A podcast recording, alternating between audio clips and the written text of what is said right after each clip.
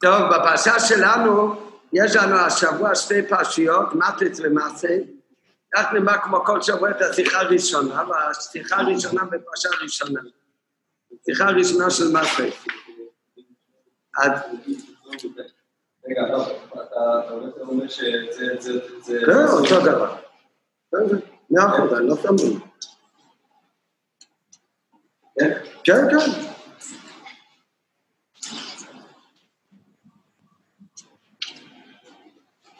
ההתחלה של הפרשה שלנו, של פרשת מטות, מתחיל כשמשה רבינו דיבר אל ראשי המטות, אל הניסים, להגיד לבני ישראל, זה הדבר שציווה השם. מה הוא אמר להם להגיד? זאת אומרת, משה רבינו, כתוב כאן, וידבר משה אל ראשי המטות לבני ישראל, כתוב, משה רבינו שמע את זה מהקדוש ברוך הוא כבר קודם, אבל עכשיו זה הזמן שהגיע שהוא אמר את זה, שהעביר את המצוות האלה לבני ישראל. איזה מצוות, מה מדובר, איזה דינים מדובר בתחילת פרשת מטות? אמיתי, אה? נדרים, נכון, הדינים של נדרים. הדינים של נדרים שמדובר בתחילת הפרשה שלנו, אז זה בקיצור שבן אדם עושה נדר צריך לשמור את הנדר, ואם הבן אדם שעשה את הנדר זה היה, היה בת, אז אבא שלה יכול להפר לה את הנדר, ואם היא הייתה אישה אז הבעל והאבא יכולים ביחד להפר לה את הנדר, ואם היא אישה נשואה, אז רק בעלה מפר לה את הנדר, ואנחנו גם לומדים, מביא רש"י מהפרשה ראשי המטות, שבן אדם רגיל יכול להתיר את הנדר על ידי שמי יתיר לו את הנדר? אה? בית או מראשי המטות, מה, מי הראשי המטות? חכמים, רבנים, בן אדם חשוב. זה או יחיד מומחה, או אחד מומחה, או שלושה אדיוטות שיש עם דין של, של בית דין. נכון. אז זה ההתחלה של הפרשה, של בן אדם שעושה נדר, הוא רוצה לקיים את הנדר, להתיר את הנדר, אז יש בזה כמה אפשרויות. או האבא, אם זה בת קטנה, נערה, או הבעל, או האבא והבעל ביחד, או חוץ מזה, כל נדר יכול להתיר, חכם, יחיד מומחה או שלושה ידיעותות אבא. זה ההתחלה של הפרשה שלנו. כך מתחיל הפרשה בפרק ל' פסוק ב', וידבר משה לראשי המטות לבני ישראל לאמור זה הדובר אשר ציווה השם, איש כי ידעו נדר להשם או ישבע שמע לצור יצא נפשו לא יחל דברו. אסור לו לאחל את דברו. מה זה לא יאכל דברו? מה אומר רש"י? מה זה לא יאכל דברו? אה? כאן, מה זה המילה לא יאכל? לא יחלל את דברו. לא יחלל דברו, לא יעשה דבריו כחולים. כאן אמרתי היום אני עושה אחר. לא יחלל דברו, לא יעשה דבריו כחולים. אלא ישמור מה הוא אמר. ככל היוצא מפיו יעשה. ואישה כי תדעו נדר להשם, עם אישה, וידם בבית אביה בנוריה, ושמע אביה אז אבא יכול להפר. אם אבא לא רוצה להפר, אז היא חייבת בנדר. אחר כך הבעל. בסוף, זה כל פרשת נדרים, מתחיל בפרשה שלנו מפסוק ב' עד פסוק י"ז. הפסוק האחרון של פרשת נדרים זה פסוק י"ז, בפסוק י"ז יש סיכום על הלכות נדרים. מה זה פסוק י"ז? יש לך חומש? אז בפסוק י"ז כתוב, אלה החוקים אשר ציווה השם את משה בין איש לאשתו, בין אב לביתו, מנוריה, בית אביה. כן, אחרי שהוא אומר כל פרטי דין הנדרים, אבל בסוף הוא אומר, אלה החוקים, הוא מסכם, אלה החוקים בין אשר ציווה השם את משה, בין איש לאשתו, בין אב לביתו, בין אב לביתו. זה מתחיל פרשת נדרים בתחילת הפרשה, הוא מסתיים בפסוק הזה, אלה החוקים אשר ציווה השם את משה. נראה עכשיו את השיחה מבפנים. בדרך כלל כשאנחנו לומדים שיחה על רש"י, על איזה דיוק ושאלות על רש"י, למה רש"י מביא שתי פירושים. כאן זה שיחה לא על מה שרש"י אומר, אלא על מה שרש"י לא אומר. כן, זו שיחה שלמה שיש כאן קושי מסוים שכל אחד שלומד את הפסוקים האלה מיד אמור לשאול, ובכל זאת רואים שרש"י לא מתעכב על זה, ורש"י לא שואל. כן. כבר נדבר כמה פעמים שדרכו של רש"י בפירושו על התרא לפרש כל העניינים הקשים והבלתי מובנים בפשוטו של מיקרו. ואם ישנם עניינים שנראים כבלתי מובנים בפירוש הפשוט של הכתוב, ואין רש"י מפרשם, ואם אנחנו נתקלים בשאלה שהיא שאלה כל כך פשוטה שכל אחד שואל שלומד את הפסוק, ואנחנו רואים שרש"י לא מפרש כלום, אז הרי זה גוף ההוכחה. אז זה עצמו, שרש"י לא מעיר על זה כלום, זה עצמו הוכחה שלדעתו של רש"י מתיישבים עניינים אלו באופן פשוט ונקל כל כך, עד שאין צורך לפרשם. אם רש"י לא מפרש כלום, אז זה גוף ההוכחה של שיטת רש"י, זה בכלל לא קשה. כדי מוכרח גם מזה שבכמה מקומות כותב רש"י בפירושו, אני יודע מה מלמדנו וכיוצא בזה. ואם אין דעתו לפרש את כל הדברים הדרושים יהיו בפרשות הכתובים, לא היה לו להעיר בכתובים אלו. מה זאת אומרת? אם רש"י לא היה לו עניין לפרש כל דבר שקשה בפשוטו של מקרא, אלא מה שהוא יודע לפרש הוא יפרש, מה שלא לא, אם הוא לא היה לו עניין לפרש כל דבר בפשוטו של מקרא, אז באותם מקומות שרש"י אומר הוא לא יודע איך זה מסתדר בפשוטו של מקרא, הוא לא היה אמור להגיד כלום. ויש כמה מקומות ברש"י, שרש"י אומר, איני יודע מה מלמדנו. דרך אגב, כמובן, הרבה פעמים שרש"י אומר, מה זה הרבה פעמים? בין אותם מקרים שרש"י אומר, איני יודע מה מלמדנו, זה דברים שבחז"ל יש על זה אולי פירוש. שבוודאי ובוודאי רש"י גם ידע את הפירוש. אז מה רש"י כותב, איני יודע מה מלמדנו? מכיוון שידוע שיש בתורה ארבע חלקים, פשט, רמז, דרוש וסוד. רש"י בא להסביר את התורה באופן, כמו שהוא אומר לבא כמה פעמים, אני לא באתי לפרש אלא פשוטו של מקרא. כשרש"י כותב על פסוק איני יודע מה מלמדנו, זה לא הכוונה שרש"י לא ידע מה שחז"ל דרשו על הפסוק הזה. רק מהדרשה הזאת היא אולי לא לפי חלק הפשט בתורה, אלא לפי דרך הדרוש, לפי דרך הרמז. רש"י בא לפרש שם מפשוטה של מיקרו, אז לפעמים כשאין הסבר בפשוטה של מיקרו ממש, אז לפעמים רש"י אומר, אני יודע מה מלמדנו. זה דרך אגב, אבל מה מדייק מזה, זה בשביל מה רש"י צריך להגיד את זה? כן, אם הוא לא יודע מה מלמדנו, שלא יגיד כלום. אלא מזה עצמו הוכחה שכל דבר שיש בו קושי בפשוטו של מיקרו, כל דבר שיש בו קושי, בלי יוצא מן הכלל, תמיד רש"י מתעכב ומאיר על זה. ולכן אם יש הסבר בפשוטו של מיקרו, רש"י מביא את ההסבר. ולכן כשאין הסבר, רש"י צריך להגיד, איני יודע, מה מלמדנו שלא מצא את ההסבר בפשוטו של מיקרו. המידה עצמו, שבאותם מקרים הוא מאיר ואומר, יודע מה מלמדנו, סימן שאין כזה דבר שיש קושי בפשוטו של מיקרו, ורש"י מתעלם מזה וממשיך, הלאה. אלא אם יש קושי, אז הוא תמיד מתעורר על זה, הוא תמיד מעורר על זה. באופן כזה, שגם אם אין הסבר בפשוטו של מקרא, אז הוא יכתוב שאין לו הסבר בפשוטו של מקרא. זאת אומרת, כל מקום שיש איזשהו קושי בפשוטו של מקרא, אז תמיד רש"י מעיר על כך. ועל פי זה צריך ביאור. מה שרש"י לא מבאר מאומה על הכתוב בפרשתנו בסיום פרשת נדרים. אמרנו שמתחיל פרשת נדרים מתחילת פרשת מטה, תחילת הפרשת שלנו, וזה מסתיים בפסוק י"ז. פסוק י"ז זה כמו קיצור על הסיכום, איך מסתיים פסוק אה, הפרשה של... אה, איך מסתיים הפרשה של נדרים. אלה, איך מסתיים בפסוק י"ז?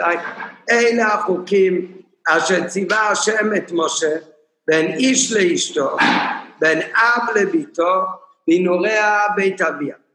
ולכאורה אינו מובן, אז זה הפסוק האחרון של פרשת נדרים, שהוא כמו, שהוא כמו סיכום על דיני נדרים, אז אומר הפסוק, כשהוא מסכם, הוא אומר, מה שלמדנו עד עכשיו, אלה החוקים אשר ציווה השם את משה, בין איש לאשתו, בין אב לביתו, בין הורי בית אביה. לכאורה לא מובן, מכיוון שתוכן הפסוק הוא סיכום קצר מדיני הנדרים שנאמרו לפני זה, מכיוון שהפסוק הזה הוא הרי לא מחדש שום הלכה, הפסוק הזה סך הכל אומר, כל מה שלמדנו עכשיו זה החוקים שלמדנו בהלכות נדרים, ואיך הוא מפרט את החוקים האלה? בין אב לביתו, בין איש לאשתו, בין הורי הבית, אביה, אם הוא מסכם את הלכות נדרים, אז איזה הלכה היא ההלכה הכי חשובה בנדרים, שאותה הוא היה אמור להזכיר בסיכום במקום ראשון. אה? מהי ההלכה הכי חשובה בהלכות נדרים? שגם בפסוק כתוב הראשון בהתחלה. שלא, לא לא יפר, שלא... לא, זה לא כתוב בפרשה שלנו, זה עושה סיכום על מה שכתוב בפרשה.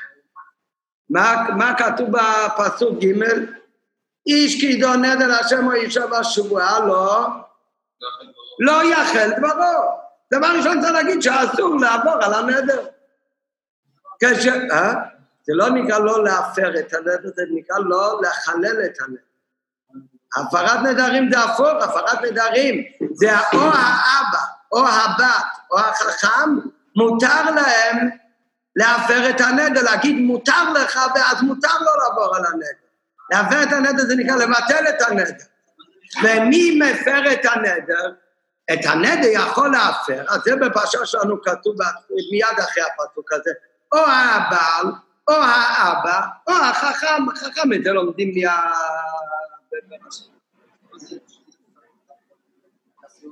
נכון, צדוק, אתה צודק, אבל צריך להפר את הנדר, לא צריך להפר. זה היתר, מותר לבעל להפר את הנדר לאשתו, מותר לאבא להפר את הנדר של הבא, תלוי בכל הפרטי דינים. אבל לפני, זה איך נקרא הדינים האלה? זה נקרא דיני הפרת נדרים. אחר יש דין שמגיע לפני הפרת נדרים, עובדה שיש על זה פסוק מפורש בפסוק. לא יאכל דברו, צריך לקיים את הנדר. אחר יש דינים, אם הוא לא רוצה לקיים את הנדר, אז יש אופציה של הפרת נדרים. אז כשהתורה מסכמת את כל הפרשה הראשונה בפרשה שלנו, שזה מתחיל מפסוק ב' ומסתיים בפסוק י"ד, הוא אומר, אלה החוקים שדיברנו עכשיו, אבל לכתוב לכל הראש, במקום ראשון היה אמור לכתוב את הדין דנדר, צריך לכתוב את הדין של נדר, שמהו הדין של נדר? שחובת הנודר לקיים, נדרוש שמי שעושה נדר יש לו חובה לקיים את הנדר, וזה אמור בתחילת פרשתנו, אבל בתחילת הפרשה זה כתוב בוודאי, זה באמת עובדה שבפרשה זה כתוב בתור דבר הראשון, איש או אישה כי תדעו נדר, לא יחל דברו. השאלה זה בפסוק י"ז, אומר אלה החוקים כאשר ציווה השם את משה. למה הוא מתחיל, בסיכום הוא מתחיל ישר בהפרת נדרים. הרי בתחילת הפרשו אומר איש כי זה נדל השם וישוב בשבוע אליעזר יישא נפשו. לא יחל דברו ככל היתר מפיו ויעשה. ואחר כך לפרט את הפרטים האמורים בין איש לאשתו בין עם לביתו. אה? השאלה שבפסוק י"ז שהוא מסיים את כל פרשת הנדרים, כשהפסוק מסכם את כל הלכות, הוא אומר זה החוקים שציווה השם את משה, מה המשך הפסוק? בין איש לאשתו, בין אב לביתו, בנוריה, בית אביה. זאת אומרת, כשהוא מסכם את דיני נדרים, הוא אומר, אלה החוקים של, ומה הוא מזכיר? רק את החוקים של הפרת נדרים. שהאבא והבעל יכולים להפר את הנדר, והוא לא אומר כאילו שוכח אלה החוקים מה שציווה השם, לקיים את הנדר. קודם יש הרי את החיוב העיקרי שלא יאכל דברות של קיום הנדר. אחר כך יש גם דינים של הפרת נדרים. ובאמת בכל אריכות הפרשה הוא באמת מתחיל עם דין של קיום הנדר, אחר כך הוא עובר על האופציות של הפרת נדרים. אבל, אה? או, נכון, זה בדיוק השאלה. זה העיקר, העיקר זה הפרת נדרים. כל הפרת נדרים הוא לכאורה הרי תוצאה מה, מהדין שבן אדם חייב לקיים נדר. אחר כך יש עוד דין שיש אופציה להפר את הנדר. אבל האמת, בפסוק י"ז, באמת לא יכול להיות כתוב הדין שחייבים לקיים. זה, זה לא יכול להיות באמת. למה באמת? כי איך מתחיל פסוק י"ז? אלה החוקים, כבר למדנו כמה פעמים. מה, מה כשאומרים חוקים לעומת מצוות או משפטים או עדות, לעומת כל לשון אחר של מצוות, מה מודגש במילה חוקים? שזה דברים הגיונים או שלא על פי שכל? אה? לא, נכון. אז אם ככה, זה שבן אדם, הוא אומר שהוא יעשה משהו, הוא חייב לעמוד בדיבורו. זה חוק, או זה דבר שגם על פי שכל מובן? אה? זה מובן, מה זה שבן אדם ישקר? הוא אומר, יעשה כך ויעשה אחרת. זה בטח לא חוק, זה בטח לא חוקה, חקקתי גזירה, גזעתי, ואין לך רשות לערער אחריה. מה זה, פרה אדומה? זה דבר הגיוני שבן אדם מבטיח משהו, אמור לעמוד בדיבורו. זה שיכול לבוא האבא ולהגיד שמה שאתה, מה שאת, לבת שלו כשהיא נערה, יכול להגיד מה שאת עשית נדר בטל מבוטל. או זה שהבעל יכול לבטל את הנדר. זה כבר יותר עניין של, אף על פי שגם על זה כתוב קצת אה, טעמים. מכיוון שברשות האבא ולכן אסור לה לנדול לבד. נכון, אבל באופן כללי בוודאי הפרטי דינים של הפרת נדרים. יש בזה גם עניין של היגיון, שמכיוון שהאישה היא ברשות בעלה, לכן היא לא יכולה לעשות נדרים, בפרט אותם נדרים שיפריעו לבעל, כי זה לא בעל חשבונה, רק אלא גם על חשבון הבעל, ולכן הבעל יכול להפר את הנדר. הנכון, יש בזה גם סיבות, אבל הפרטי דינים של הפרת נדרים הם חוקה. עובדה שאם ביום ששמע הבעל הוא מפר את הנדר, זכותו להפר, אבל אם באותו יום הוא לא הפר ולמחרת הוא מחליט להפר את הנדר, אז לומדים בפרשה שלנו, כבר לא יכול להפר, רק ביום שמו. אז זה הפרטי דינים של הפרת נדרים, זה באמת בגדר של חוקים. ולכן, אומר רב שלאחר שמקדים מה כתוב, אלה החוקים, מה שציווה השם עצמי שמובן, שלפירוש רש"י, ששוב, אולי נראה אחר כך מה הדגשה כאן בסוגם לפרש רש"י. אז מובן ששוב אי אפשר לכלול ביניהם את עצם החיוב לקיים הנדר. אז אי אפשר, הקיום נדר לא יכול להיות מופיע בסיכום של פוסק י"ז למה? כי זה שבן אדם חייב לקיים את הנדר, הוא לא בגדר חוקו. זה לא בגדר חוקו, שההגדרה של חוקו זה מצווה שאין טעם בדבר לגדרת המלך בחוקותיו על עבדיו. למה? בנוגע לזה שצריך לקיים את הנדר, בוודאי שיש טעם. ולכן כתוב מקודם בסוגריים לפי רש"י, למה? ומודגש ברש"י. כי זה מודגש לפי רש"י, לפי רש"י זה שצריך לקיים את הנדר, הוא לא חוקה, הוא דבר שכלי הגיוני, למה? כי רש"י מפרש, מה זה לא יאכל דברו? לא יחלל דברו. נכון? מה, מה התרגום אומר, מה זה לא יאכל, לא, לא דברו? אז רגע, מה אומר תרגום? מה זה לא יאכל דברו? אומר התרגום לא יבטל דברו. אז אין כאן הסבר למה, זה האיסור, אסור לך לבטל מה שאמרת. רש"י אומר מה זה לא יאכל דברו, לפי רש"י המילה לא יאכל, זה לא רק איסור אלא זה גם הסבר למה באמת, כי רש"י אומר מה זה לא יאכל, לא רק לא יבטל את דברו, שלא יעשה דבריו חולין. זאת אומרת זה הסבר, בן אדם את מוצא שפתיו חייב לשמור, הוא לא אמור לנהוג חולין בדיבור שלו, זה כמו שאסור לבן אדם לשקר. זה עניין הגיוני. כך לא יחלל דברו. אם בן אדם עושה נדר שהוא יעשה ככה והוא עושה אחרת, הוא חילל את דברו. אז זה הסבר למה אסור לו לעבור על הנדר. רש"י אומר, מה זה לא יאכל דברו? כמו לא יחלל דברו. לא יעשה דבריו חולין. אסור לבן אדם לעשות דבר, את המילים שלו חולין. ולפי כך, ובגלל שלא יעשה את מילים שלו חולין, לכן ככל היוצא מפיו, יעשה. זאת אומרת, עצם העניין שבן אדם חייב לקיים נדרו, זה לפי רש"י בוודאי לא בגדר של חוקה של גדרת המלך בלי סיבה. לעומת זאת, מה שאין כן פרטי הדינים שבין איש לאשתו, בין אב לביתו. למה רב אומר פרטי דינים? כי כללות הדין שהאבא והבעל יכולים להפר את הנדר זה גם לא. כי זה באמת הגיוני שהאישה היא ברשות בעלה. היא לא יעשה לעצמה נדרים שזה בא על חשבון הבעל.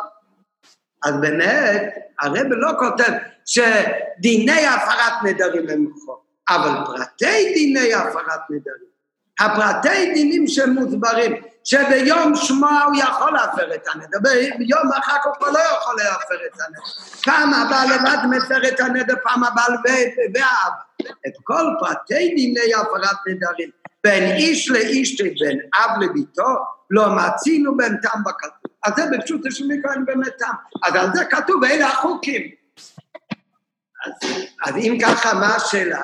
השאלה באמת, כשאתה כותב בפסוק, שהפסוק כותב אלה החוקים, אז באמת לא מתאים כאן לכתוב את עצם הדין של קיום הנדר. אז מתאים רק לכתוב בין אב לביתו, בין איש לאישו, בינו ובית אביה. בין איש לאשתו, בין אב לביתו, בינו ובית אביה. אבל זה גוף הקשה. למה בסיכום של הפרשה, שכתוב אלה הדברים שציווה השם בנוגע לנדרים, למה באמת הוא כותב אלה החוקים, ומציין רק עניין של הפרת נדרים? למה הוא לא כותב אלה המצוות, או אלה הדברים, אשר ציווה השם את מוישה, שככל היוצא מפיו יעשה, ובין איש לאשתו, בין אב לביתו, בין הוריו וסוביו. שיכתוב לכל הפחות גם כן את הכלל שבן אדם חייב לעמוד ולקיים את דיבורו ואת הנדר. נכון, אם כותבים אלה החוקים, אז עצם קיום הנדר לא יכול להיות כלול בחוקים. אבל שלא יכתוב אלה החוקים, יכתוב אלה המצוות, ויהיה כתוב גם הדין של קיום הנדר, ואחר גם הדין של הפרת נדרים. זה פלא שהפרשה מתחילה, הרי הפסוק הראשון אחרי וידבר משה, בפסוק ג' מהו הדין הראשון שכתוב לעניין ההפרת, לדין נדרים? בפסוק ג' מה הדין הראשון שכתוב? לא הפרת נדרים. מה כתוב הדין הראשון? לא יחל דברו וככל היוצא מפיו יעשה. סימן שזה העיקר. אחר כך, בפסוק אחר כך מתחיל הדין של הפרת נדרים. אז למה בסוף הפרשה, בפרק י"ז, שכתוב אלה הדברים אשר ציווה השם, כתוב באמת חוקים, אז למה שם לא כתוב גם כן לפי הצד הדין של קיום הנדר, אחר כך הדינים של הפרת נדרים, במקום זה כתוב רק הדינים של הפרת נדרים. להביע בזה... אז נראה מקודם הרב אומר תביאו בפשוט של מיקרו לפי רש"י, לפי חומיש, מה הפשטות. ואחר כך מתחיל ב... בעוד ד' העניין הזה גם לפי התוכן, כמו שעמית, כמו שעמית אמר מקודם, שהרי מהו העיקר, זה אנחנו, זה כבר, מהשאלה אנחנו כבר יודעים את חצי תשובה, שמהו העיקר באמת, זה לא הדינים של קיום הנדר, העיקר זה הפרת נדרים. ולכן בסוף של הפרשה הוא אומר, אלה החוקים בין אב לביתו, בין איש לאישו, כי זה הכל דינים שנוגעים להתרת נדרים. למה באמת? אבל בהתחלה הוא אומר בפשוטו של מיקרו, בפשוטו של מיקרו, זה אמרנו מקודם, משה רבינו שמע את פרשת נדרים מהקודש ברוך הוא, להיות כבר בהר סיני, כן, יש לי שאומר שכל המצוות, בלי יוצא מן הכלל, הכל עם הפרטים והדקדוקים שמע משה רבינו כבר ניסינו. אז מה עכשיו בפרשת סמרטי? מתי נאמרה פרשת סמרטי? בסוף 40 שנה במדבר. זה בא אחרי פרשת פנחון, זה היה לפני כניסה לארץ, אחרי 40 שנה. עכשיו הוא מגלה להם את הדינים של טהרת נדרים. כן? לא כתוב וידבר השם אל משה, וידבר משה אל ראשי המטריס. משה עכשיו אומר את זה לבני ישראל. נו, מה הוא אומר להם? עכשיו הוא אומר להם את הדינים של נדרים. אז נכון, איך כתוב בפרשה? כתוב קודם את הדין הראשון העיקרי שחייבים לשמור את הנדרים, מה שאומרים. אחר כך כתוב שיש גם הפרת נדרים, ובזה יש שלוש אופנים. האבא או הבעל, או האבא והבעל ביחד, והדוש חז"ל דושים, רק שגם מביא את זה, יש עוד אופציה שזה החכם. אומר הרבה, איזה פרט מכל הדינים האלה עכשיו משה רבינו חידש לעם ישראל, בתחילת פרשת מטרי, הרי 40 שנה במדבר. מה הוא גילה להם עכשיו? איזה... הדין של קיום נדרים או הדין של הפרת נדרים? כל, נכון שמתחיל, הפרשה מתחיל, איש כי ידור נדר להשם או יישבע שבועה, לא יחל דברו ככל היוצא מפיו יעשה, נכון.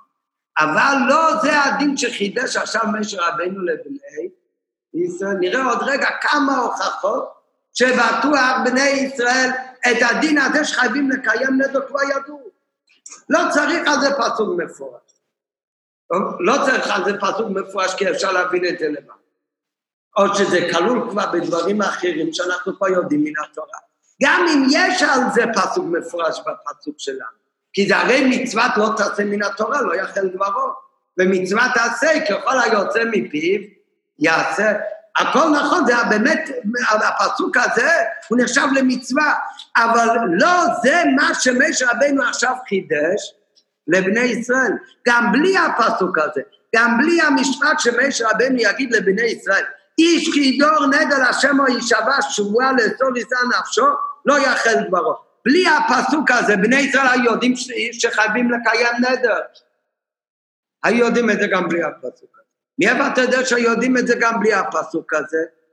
מלא דוגמאות, כן? הדוגמה הכי קרובה אלינו, בואו נלך אחורה, סך הכל שתי פרשיות. בסוף פרשת חוקת, וישמע כנעני מלך ערד, יושב הנגד כי בא ישראל דרך אתרים. ויילחם בישראל ואיש ממנו שבי.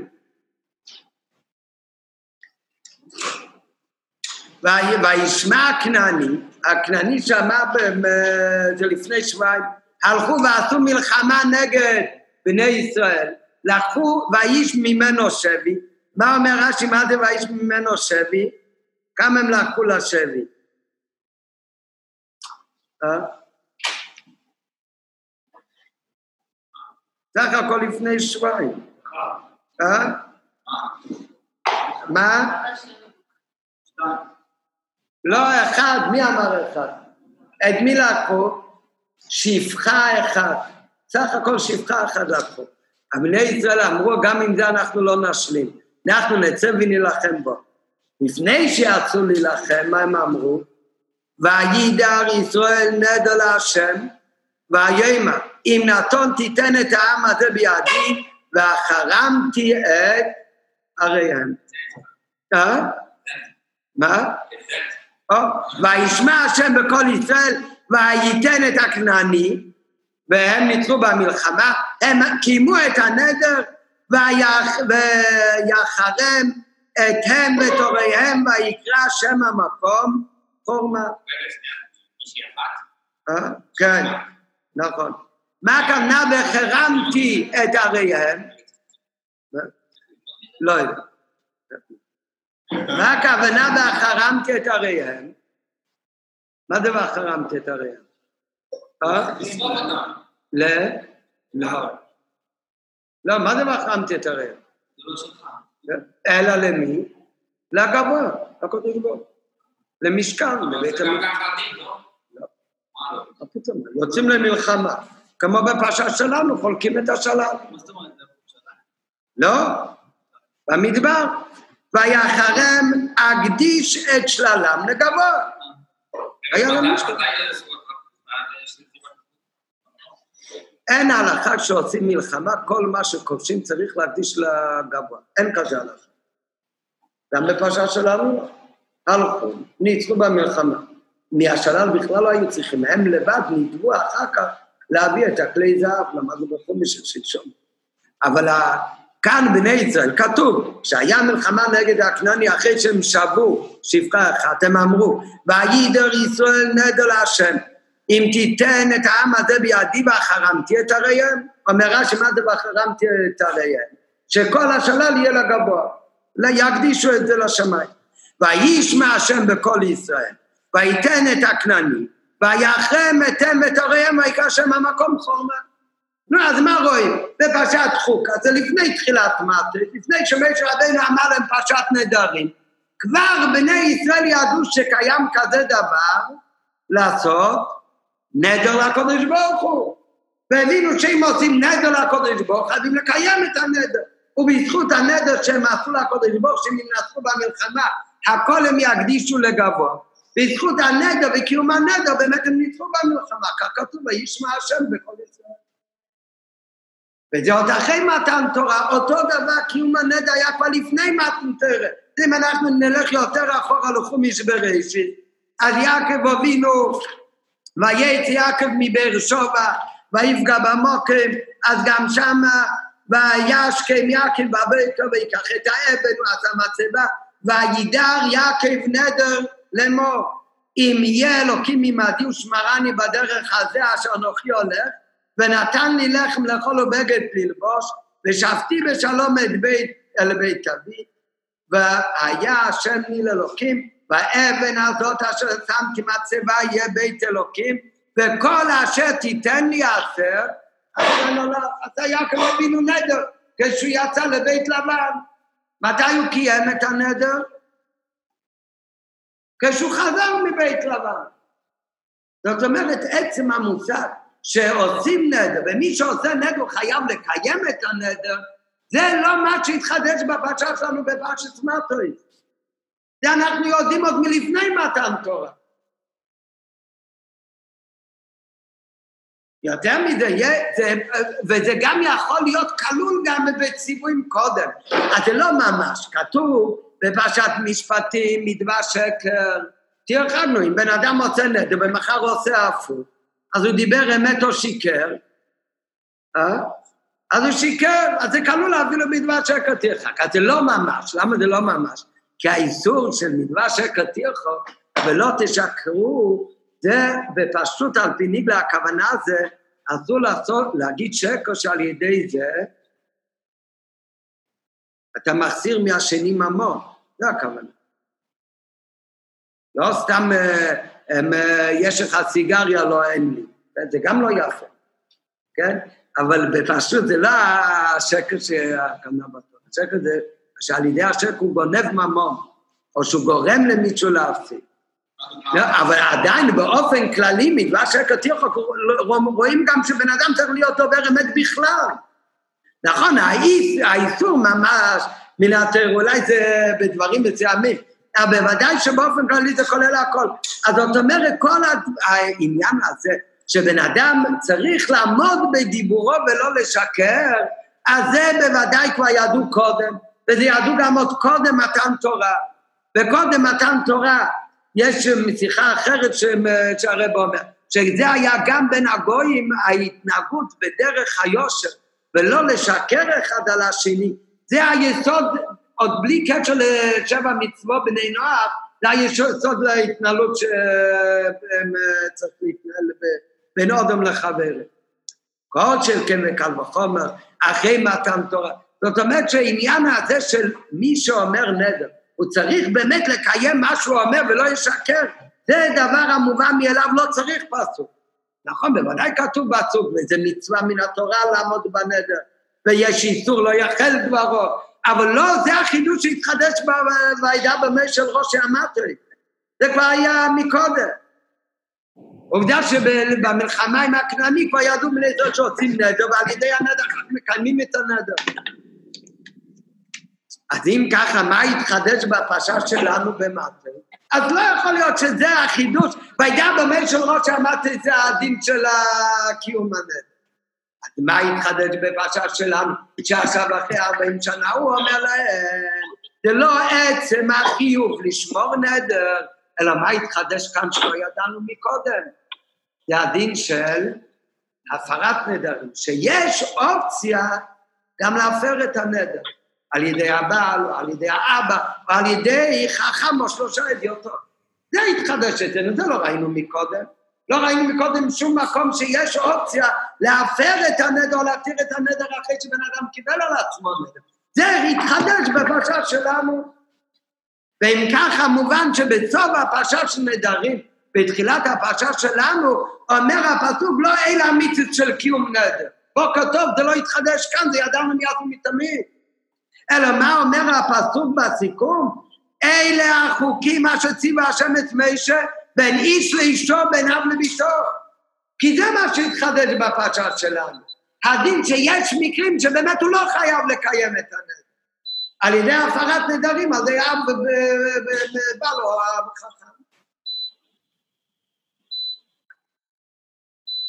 ולפי זה, זה, ההצבע הזה של הרבה, הוא משנה את כל פסוק ג' זה כתוב בפסוק ג', איך ההתחלה של הפרשה, איך כתוב הרי בפסוק הראשון, איש או אישה. כי ידעו נגע להשם או ישבע שבועה לעשו ישראל נפשו, לא יאכל דברו כל היוצא מפי ויעשה. בפסוק כשאנחנו למדנו חיטס, לומדים את הפסוק הזה, אז אתה לומד הפסוק הזה, מה הוא בא להגיד לך? איתור לעבור על הנדר. אחר כך פסוק ד', אז מתחיל עוד הלכה. מספר שתיים, מה זה מספר שתיים? אישה שעושה נדר ובעלה שומע, אבל יכול להפר את הנדר. זה מספר שתיים. אחר כך יש מספר שלוש, נערה עושה נדר, האבא יכול להפר את הנדר. לפי ההסבר של הרבה עכשיו, זה עובד אחרי לגמרי. הפסוק ג' זה הקדמה. וידע של ראש אמרת אצלנו, מה הוא אמר להם? שאיש כי דור נדר. שאת זה הרי אנחנו כבר יודעים מאז ומתמיד שלא יחל דברו, וזה כולנו הרי יודעים שככל היוצא מפיו יעשה, זה כמו הקדמה. באותו דין הידוע של נדר, שאנחנו כבר יודעים מיעקב אבינו, בדינים האלה אני מגלה לכם עכשיו מספר אחד, שאישה כי תדור נדר, בעלה שומע, הוא יכול להניע אותה, יכול לבטל את הנדר. אותו דבר האבא לפעמים יכול לבטל את הנדר. זאת אומרת, הלא יאכל דברו וכל היוצא מפיו יעשה. זה לא אחד מהמצוות שכתובים בפרשה שלנו, זה הקדמה לדין של הפרת נדר.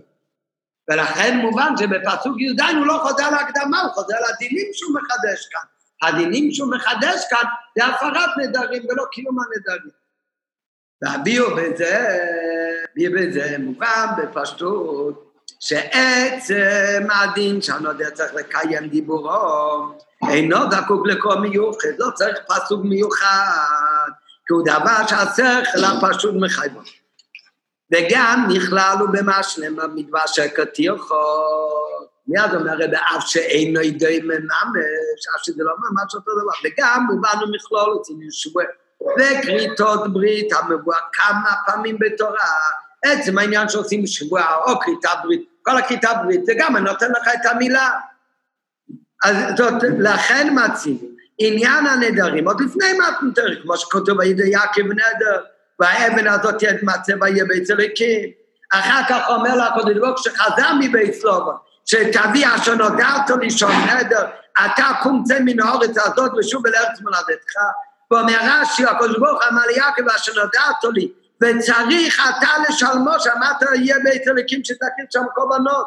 אומר הקודש ברוך הוא ליעקב אבינו, הגיע הזמן שתשלם את הנדר ותביא קורבנות. ולכן גם כן מוצאינו בתורה עוד לפני פרשת נדור, שפרשת נדור נאמר אצלנו בסוף 40 שנה במטת, וכמה עניינים שהם בגדר של נדר. הדוגמה שאנחנו הבאנו מקודם, בסוף פרשת חוקת, אבל גם קודם, בחום ישוב היקרו גם כן, בחום ישוב היקרו, מלא קורבנות עם נדר או נדבה קורבנות. נו, אז מה זאת אומרת, בויקרו שנאמר באויל מת, לפני 40 שנה כבר ידענו שבן אדם עושה נדר צריך לעשות את הנדר. רואים כמה עניינים בגדר של נדר, ובכל המקומות האלה הפסוק בכלל לא מזכיר את החובה שחייבים לקיים את הנדר. לפעמים הוא אומר לו לאחר את הנדר, אבל עצם החיוב לקיים את הנדר הוא אפילו לא אומר, למה הוא אפילו לא אומר? כי לא צריך לומר. זה דבר מובן שבן אדם אומר, הוא צריך לקיים מה שהוא אומר, להיות בן אדם ישר, ולא לשקר. ואין הכתוב מזכיר בהם עצם החיוב לקיים נדר. אלא מפרש תמיד את הפרטים והאופנים המסתפים מדין נדר. כמו שבסוף פשט בחוקי צי, אז שם כתוב בן אדם מחרים, בן אדם, הוא אומר, בערך, לכל מסכת מה זה ערך, בן אדם אומר ערך שולם. בן אדם אומר ערך פלוני עליי, אז כמה הוא צריך לשלם? אז כל מה שהפסוק דן, תלוי, אם הוא בגיל כך וכך, אז הוא צריך לשלם כך וכך, אם הוא בגיל יותר מבוגר צריך לשלם יותר. זאת אומרת, עצם הדבר שמי שאומר, הוא מעריך מה שהוא צריך לשלם, וזה בכלל, זה התורה אפילו לא אומרת. התורה לכתחילה אומרת כמה שווה הערך של כל אחד, כמה זה ערך של שדה, כמה זה ערך של בן אדם. זאת אומרת, עצם הדבר שכשהוא העריך הוא חייב לשלם, זה פשיטה. שהכתוב רק קובע את הסכום השונה של היחיד. איש האיש כי אף לי לנדונד נזיר להשם. אותו דבר בנזיר. אומרת התורה, בין איש או אישה, שמקבלים על עצמו להיות נזיר, אישה יכולה להיות נזיר יוצא. למה לא? כן, כתוב במפורש בפסוק, איש או אישה, כי עידו נזיר. כן, נזירות זה לא... יש. אה. זה לא קשור.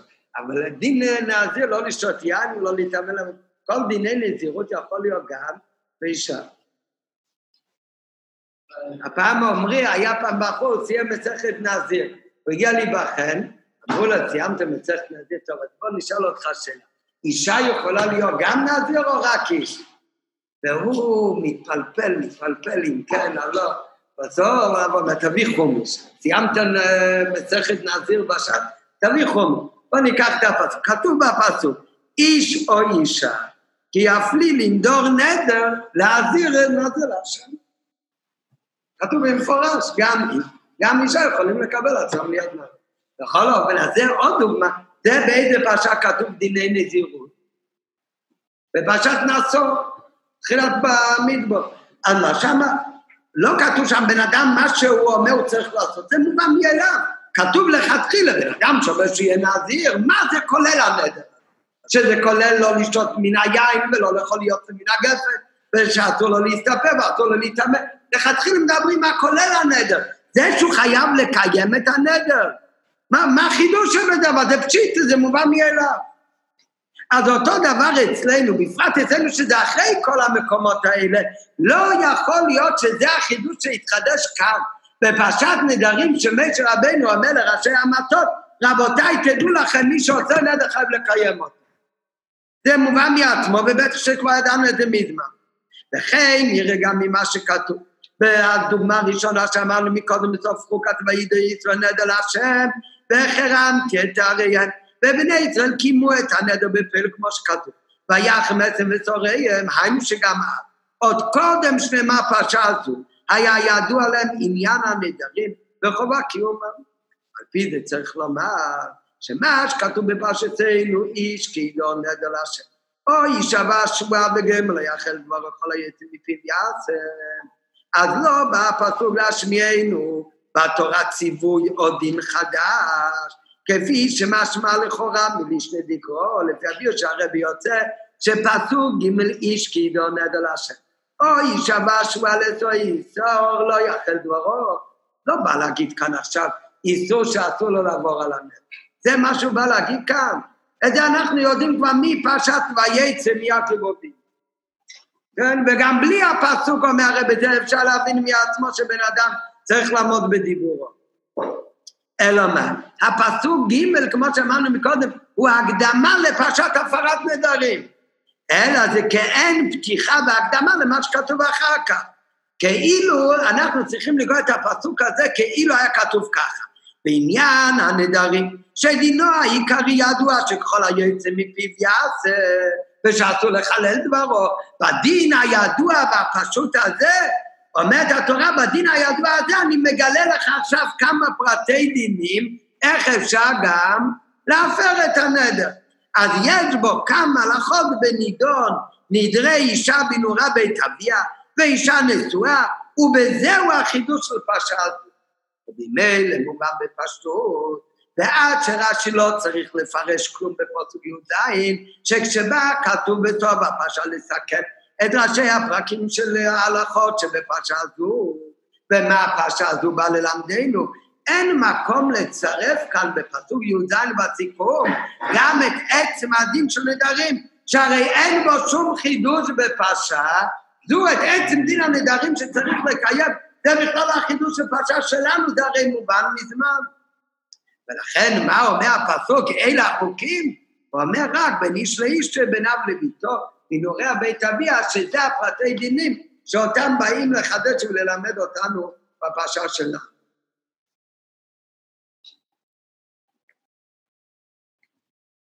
עוד גימל, לפי כל הפלפול הזה מובן עכשיו עוד עניין ברש"י. רש"י אומר, הרש"י הראשון של הפרשה שלנו, וידע במוישה אל ראשי המטה. בדרך כלל כתוב, משה רבינו דיבר לבני ישראל. איך הסדר שדיבר לבני ישראל? נכון, קודם לישוע, אחר ללוט, וכך הלאה. אבל כאן אומר, פסוק מדגיש, וידע בהשם אל ראשי המטות. אומר רש"י, דבר ראשון חילק כבוד לניסים, ללמדם תחילה, ואחר כך לכל בני ישראל. ובאמת, מכאן לומדים שגם בשאר דיברות זה גם ככה. למה הפסוק מדגיש את זה דווקא בעניין הפרת נדרים? אם זה באמת הלכה, אם זה, אם זה דבר שהיה בכל הדברים שמשה רבינו מסר לעם ישראל, שהוא חילק כבוד לניסים ולימד אותם קודם. למה הוא אומר את זה דווקא כאן? כדי ללמד אותך שהדין הזה של הפרת נדרים קשור במיוחד ל... לניסים. למה זה קשור במיוחד לניסים? אז אומר רש"י, כי בפרשה שלנו כתוב מי יכול להפר נדר? בעל או אבא. שהוא אמר את הפרשה לראשי המטות, אז זה בא להגיד שהפרת נדרים זה נעשה גם על ידי חכם, ביחיד מומחה או שלושה אדיוטות, שיש שם דין של בית דין. אה? שלושה אנשים שהם לא חכמים. אה? לא, לא אבא, זה הבית דין. שלוש יהודים יש להם דין בית. הם יכולים להגיד, מותר לך, מותר לך, מותר לך, ולהתיר את זה. בית דין לא עושים ככה בעבודה? שלוש אנשים יש להם דין בית דין. לא צריך להיות תלמידי חכמים. צריך טכנית שהם ידעו, שאחד מהם ידע הלכות התרת נדרים, כי אם לא, אולי הם לא עושים את זה נכון. אבל הלכתית צריך שלושה יהודים כשרים מספיק, גם אם הם בורים לעמי הארץ. ופה לא יכול להיות שלוש בורים לעמי הארץ, כי הוא צריך הרי לדעת הלכות נדרים כדי לדעת אם זה נדר שאפשר להתיר, ואיך מתירים את הנדר, נכון? אבל על פי ההלכה אפשר להתיר נדר, או יחיד מומחה או שלושה אדיוטות שיש שם דין שווה. לא, מה, מה שאומרים בערב ראש השנה, זה, זה, טוב, לא לומדים עכשיו הלכות נדרים, אבל זה, יש מחלוקת אם זה מון, עושים את זה ליתר ביטחון, זה לא יכול להזיק. אבל אם יש נדר ספציפי שאתה יודע מאה אחוז שעשית, אז זה לא מספיק הנושא הזה. צריך ללכת לפני שלוש אנשים או לפני רב אחד. והרב בדרך כלל מצרף עוד שתיים. לא, היום אף אחד לא עושה לבד, כדין יוכי מומחה. מה אכפת לו, גם אם הוא מומחה לצרף עוד שתי אנשים. אז צריך להגיד לו את הנדר, הוא צריך למצוא לו פתח חלטה ולעשות את הרב. לא, מה שאומרים בערב ראש השנה אומרים במפורש, שזה רק על נדרים שאני לא יודע, או שהנהגות טובות ששכחתי להגיד בלי נדר, זה דברים שיותר קל להתיר. אז הם אה, עושים עם... אה, אבל אם יש נדר ספציפי שאתה יודע, נדרת ממש, צריך לפרט את הנדר. אומרים את זה במפורש גם בנוסח שאומרים בראש השנה.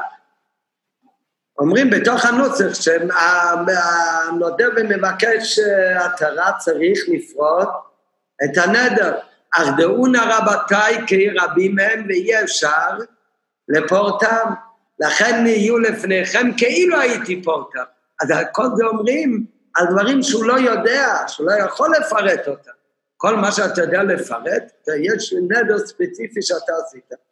אז זה לא, אי אפשר לפתוח את המחזור בראש השנה ולעשות הצהרת נדרים, אלא צריך ללכת למישהו שיודע איזה נדרים אפשר להתיר ואיך מתירים נדרים.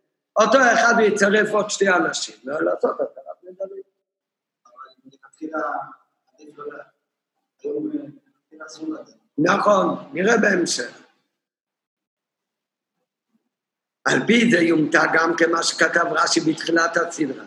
ראשי המטות חילק כבוד לניסים, ללמדם תחילה במראה לאומרה כאן, למה התורה דווקא כאן אומרת שלום מלא, שמשה רבינו העביר את דיני התורה קודם לניסים דרי בכל דיני התורה, אז למה מדגישים את זה דווקא כאן?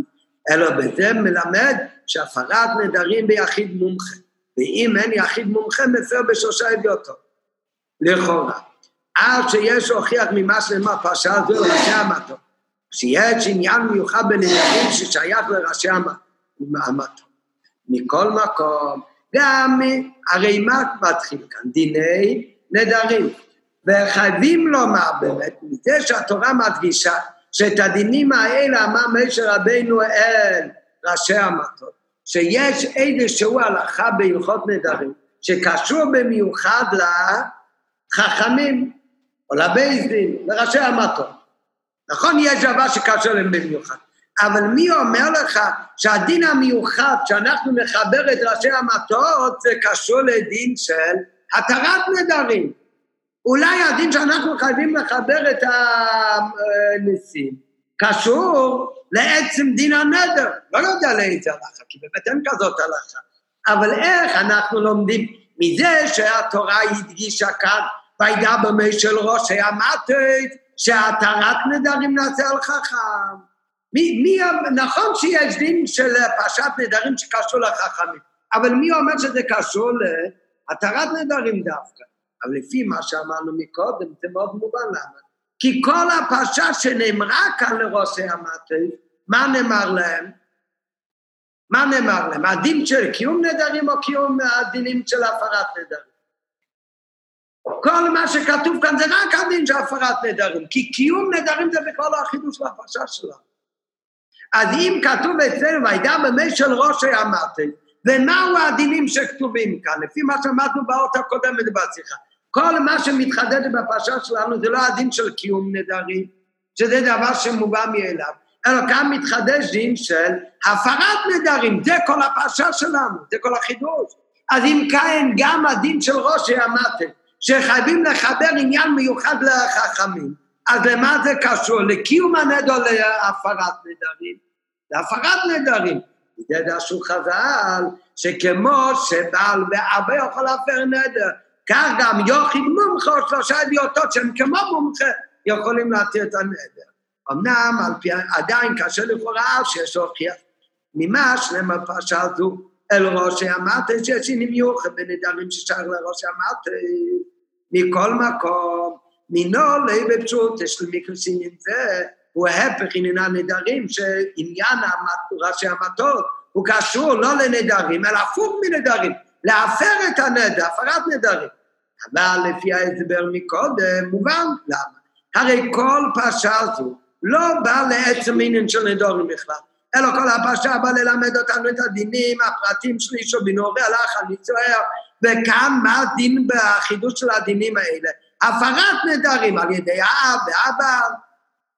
שהרי אין סברה שהחידוש הוא גם בזה שבלי הפרת האבא או בלי הפרה של הבעל קום כל נדורר. כי זה מקומה שמלון, כל בן אדם שעושה נדר חייב לעמוד בנדר. הרי זה נדר כשהנדרים. ואם כן, שפרשה הזו נאמרה על ראשי המטה, ומה החידוש של הפרשה הזאת? זה עניין של הפרת נדרים. אז זה בא לרמז שיש בעניין ששייך אליהם לראש המטה והחכם, מסתבר ששייכות זו נוגעת בדין של הפרת נדרים, שזה התוכן של כל הפרשה. עד כאן הרב מסביר הכל על פי פשוטה של מיקרו. עכשיו הרב מסביר שזה גם בתוכן כאן, שגם בתוכן, לא רק מצד שאת קיום הנד אנחנו כבר יודעים, וזה מובן מאליו, לא צריך על זה בכלל ציווי מפורש, זה מובן שבן אדם צריך לעמוד בדיבורו. ועוד יותר מזה, גם יש על זה מצווה, זה לא מה שמתחדש אצלנו, כבר כמה פעמים בתורה יודעים שיש מושג של נדר או נדבה, אלא מה התחדש בפרשה שלנו? בפרשה שלנו התחדש העניין של הפרת נדרים. ולכן גם הדין של החכם שלומדים מכאן זה לעניין התרת נדרים. עכשיו, המשך השיחה הוא שכך זה גם בתוכן של העניין, שמה יותר נעלה? האם יותר נעלה? העיקר זה בתרא, העניין של קיום נדר, או שיותר חשוב העניין של התרת נדרים, ולהפר את הנדר. בפסוק שלומדים, אז התורה רוצה שבן אדם עושה נדר, צריך לקיים את הנדר. יש מקרים שלא יכול לעשות את הנדר. אז עושים התרת נדרים, הפרת נדרים. אבל נדר זה העניין החיובי. סיוג לפרישות, נדרים זה סייג לפרישות. אבל האמת, כתוב בירושלמי, במסכת נדרים, מובא הרבה פעמים בשיחות ובחסידות, כתוב בנדרים, שבן אדם שעושה נדר זה דבר שלילי. למה זה דבר שלילי? כי אומרים לאותו בן אדם, לא דייך מה שאסרה תורה, לא מספיק לך, רמ"ח מצוות לא תעשה שהתורה אסרה לך, שאתה צריך לחפש לעצמך ייסורים חדשים, אסור לאכול בשר בחלב, אסור לאכול בעלי חיים הטמאים, בייגלח מותר לאכול? מותר לאכול, מה אתה עושה על עצמך נדר לא לאכול בייגלח? מה, אתה לא מספיק לך מה שהתורה אסרה? שאתה עושה נדר גם לא לאכול בייגלח, בשביל מה? ולכן הוא אומר, מי שעושה נדר ולא אוכל משהו, אז הוא נקרא חוטא. וכתוב שבן אדם עתיד לתת דין וחשבון על כל דבר שהוא יכול ליהנות מהעולם ולא, ולא ישתמש בו. קדוש ברוך הוא נותן לו להשתמש. יש דברים שקדוש ברוך הוא אומר, אסור לך להשתמש. זה כל הדברים האסורים. הדברים מותר לך להשתמש, מה אתה מתנזר מזה? לא. על נזיר זה כתוב, נזיר מביא קורבן, ארצות נזירות, למה? אחד מהדברים, כי כל נזיר יש בזה גם עניין של חטא. יש בזה גם קצת עניין של חטא, לכן הוא צריך להביא קורבנות אחר כך. הוא צריך באמת כפרה. תורה אומרת, אתה יכול לשתות יין, תעשה, ואתה אומר, אני לא רוצה לשתות יין, מה, לא מספיק לך מה שהתורה עשה? לא, מצד שני, כתוב נדרים סייג, לפרישות, שזה דבר טוב, זה דבר מאוד טוב. פרישות לא נאמר כאן שלילה, נאמר לחיוב. בן אדם צריך להיות הפרוש מענייני העולם הזה. והדרך הכי טובה להתקדש לקודש ברוך הוא, קצת להיות פרוש מהעולם הנחות והגשמי, זה על ידי שבן אדם מקבל על עצמו נדרים. אז זה עניין לחיוב. אז, אז, אז מה האמת? אז זה דבר טוב או דבר לא טוב? אז כתוב בחסידות שתלוי על מי מדברים, זה שתי שלבים. שתי הדברים הם נכונים, זה בכלל לא סותר. זה, זה סתירה, זה סתירה. פעם אומרים שלעשות נדרים זה דבר לא טוב, כי מספיק מה שהתורה אסרה, מה שאסור אסור. מה שמותר, להם מי אמר לו, למה לא? אתה יותר דתי מהתורה? זה היה מה שעשה התורה. והבן אדם נקרא חוטא, הוא הזהיר את עצמו מהיין, שיביא באמת קורבן בסוף הימים. מצד שני אומרים, הפוך שזה עניין חיובי. עניין חיובי, סייג לנדרים זה סייג לפרישות על ידי הנדרים. בן אדם מתקדש, הוא עולה במדרגה. וכך גם נזיר, נזיר נקרא בתורה, הוא קדוש. קדוש יהיה. אז אם ככה, זה קצת סתירה. האם זה עניין חיובי או זה עניין שלילי? אז מוסבר על זה בחסידות, שזה בכלל לא סתירה, זה, השאלה זה סך הכל על איזה בן אדם מדברים. יש לפ... יש בן אדם, ומהו הדבר הכי, uh, uh, uh, מה שהכי טוב שהיה אמור להיות. מה שאמור להיות, אז זה באמת כמו שכתוב בירושלמי, שתסתפק עם מה שהתורה אסרה עליך, ואל תוסיף לעצמך איסורים חדשים. למה באמת לא? מה אכפת לך להוסיף עוד איסורים? פשוט מאוד. הקדוש ברוך הוא נותן לך. דברים אסורים, אותם אסור לך להשתמש. כל הדברים המותרים, כתוב בחסידות, למדנו בתהליך, שאסור זה מלשון שהדבר הזה הוא אסור, הוא קשור, הוא קשור בקליפות ואי אפשר להעלות את זה לגבול. מה הכוונה של המילה היתר? מה זה מותר? להתיר את הקשר. אז הוא, הוא לא קשור, הוא מותר, הוא פתוח. בהגנה, ולכן הוא יכול לעלות לקדושה. אז אם ככה, כל הדברים המותרים, הבייגלה והמים והכל, כל, כל הדברים המותרים, הם לא אסורים בסטרה, הם יכולים לעלות לקדושה. אז התפקיד שלך זה להעלות את הדברים האלה לקדושה. כשאתה עושה נדר, אז מה אתה עושה כאן? ברגע שאתה עשית נדר, לקחת דברים שהם מותרים, הם יכולים לעלות לקדושה על ידי שאתה תגיד ברכה ותעלה אותם, לש... תאכל אותם לשם שמיים ויעלו לקדושה. במקום זה לקחת את הדברים המותרים האלה, ומה עשית עכשיו? אה? נראה, עוד, עוד, עוד רגע.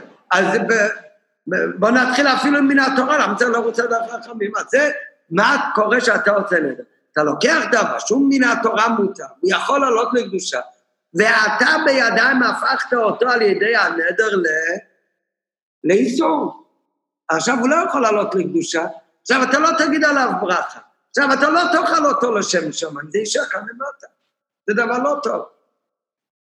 לא, מצד שני, כל חסידות כתוב שיהודי צריך לעשות קצת דיסקאפיה. כן, למה צריך לעשות דיסקאפיה? בואו, הכל אתה אוכל.